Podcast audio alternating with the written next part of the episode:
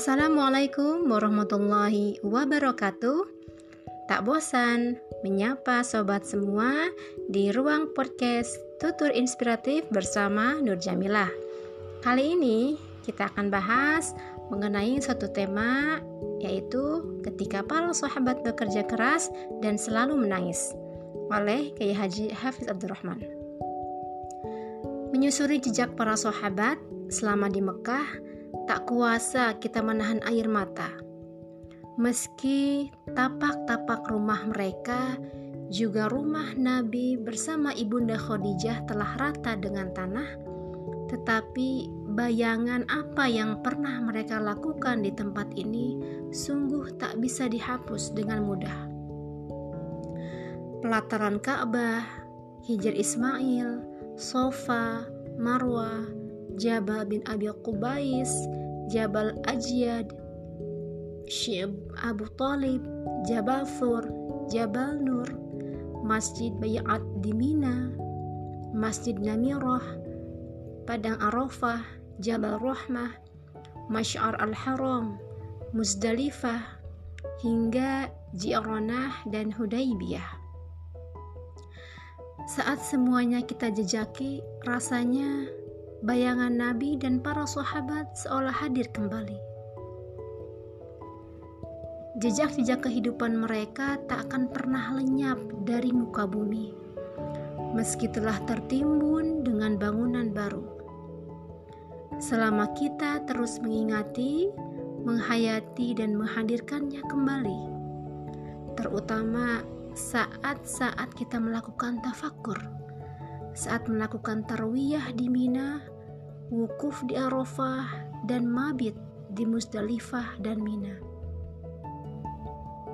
Terkadang saya bertanya, mengapa Allah menetapkan Mina, Arafah, dan Musdalifah atau Mekah dan Madinah sebagai tempat berhaji?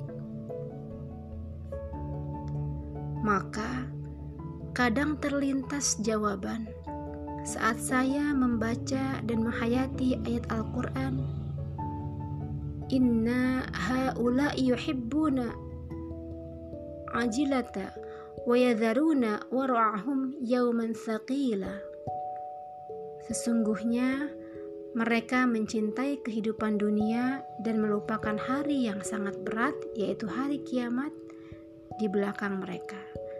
Quran Surah Mursalat ayat 27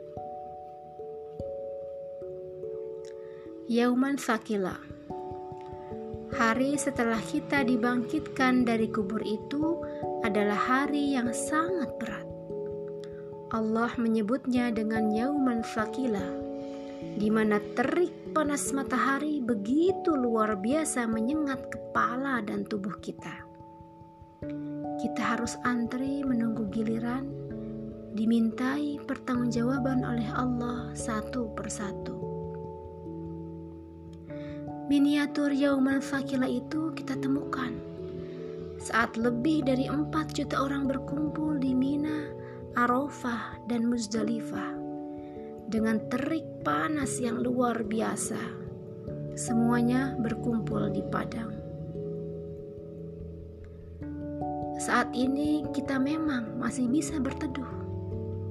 Tetapi nanti saat Yauman Fakila itu benar-benar kita lalui. Oh, tak bisa dibayangkan betapa beratnya. Maka kita diperintahkan untuk banyak melakukan tafakkur, merenungkan apa yang telah, sedang, dan akan kita lakukan dalam hidup ini untuk menghadapi Yauman Fakila itu. Maka saat khutbah Arafah, kami pun tak kuasa menahan air mata. Ketika membayangkan diri kita dengan dosa-dosa yang tak terkira. Dan bagaimana kelak kita akan menghadapi yauman fakila. Terlebih saat kita membandingkan diri yang tertawan dosa ini dengan para sahabat Nabi yang selalu menangis karena takut kepada Allah. takut menghadapi yauman sakila. Bukan takut karena dosa mereka yang banyak, kata Nabi. Tetapi takut karena amal mereka tidak diterima oleh Allah Subhanahu wa taala.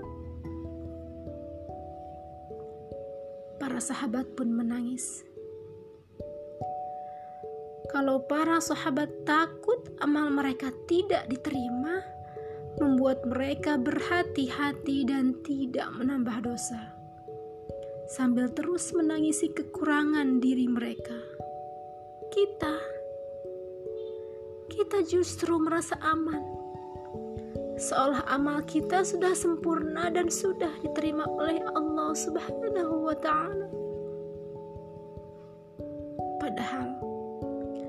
Yang membuat amal kita diterima Allah itu karena keikhlasan dan benarnya amal kita.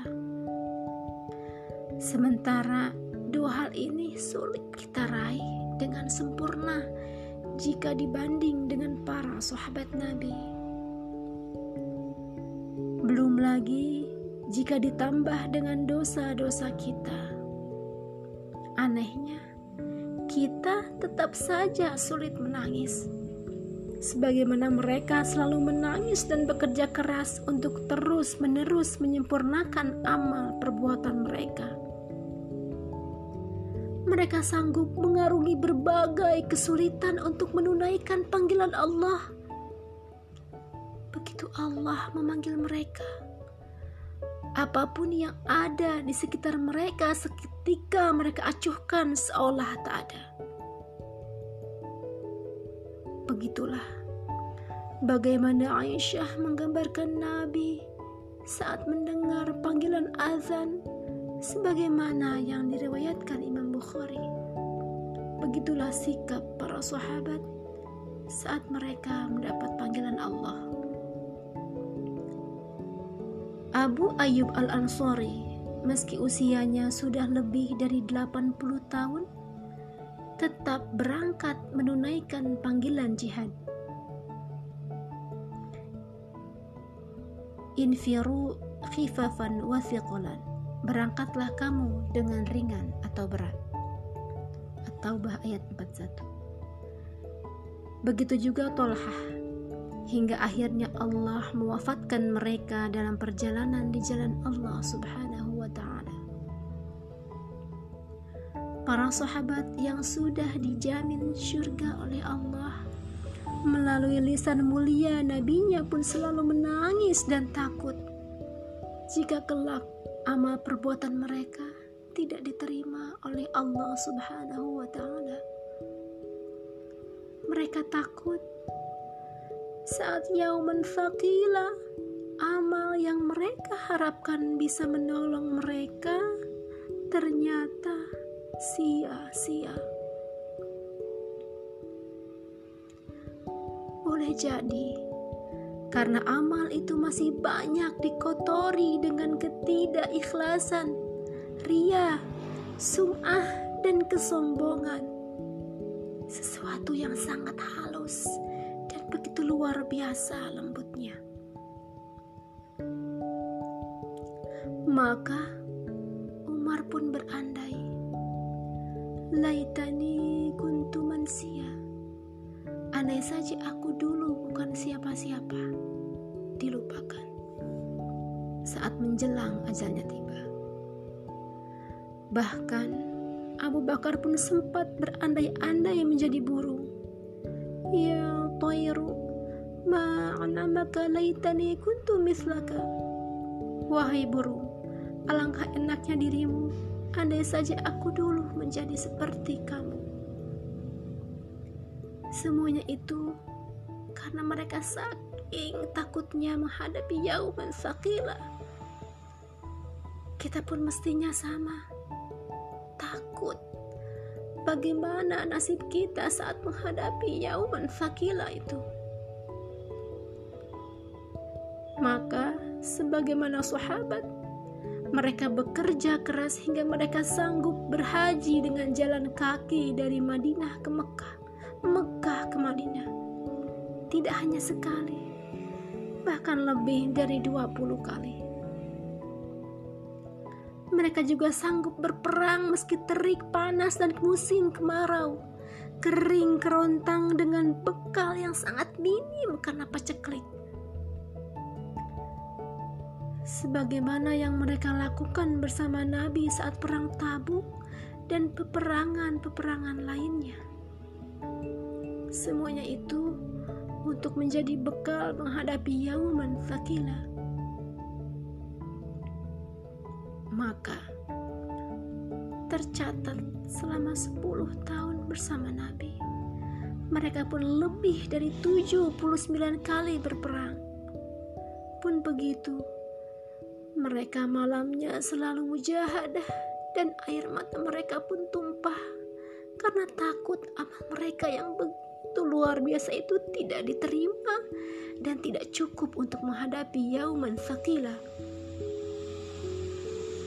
Mungkin karena mereka paham hadis Nabi, sebagaimana dinukil oleh Al-Hafidh Ibnu Al-Jauzi. Andai saja anak Adam sanggup mengerjakan amal perbuatan seratus ribu nabi, seratus ribu orang sidik, dan seratus ribu syuhada. Mereka mengira itu bisa menyelamatkan mereka dari neraka, padahal tidak. Semoga kita mendapatkan ampunan dari Allah atas dosa-dosa dan kekhilafan kita. Semoga amal kita diterima oleh Allah Subhanahu wa taala dan dengannya Allah menempatkan kita bersama Nabi dan para sahabatnya di dalam jannahnya. Amin. Amin ya Allah. Ya Rabbal Alamin. Wassalamualaikum warahmatullahi wabarakatuh.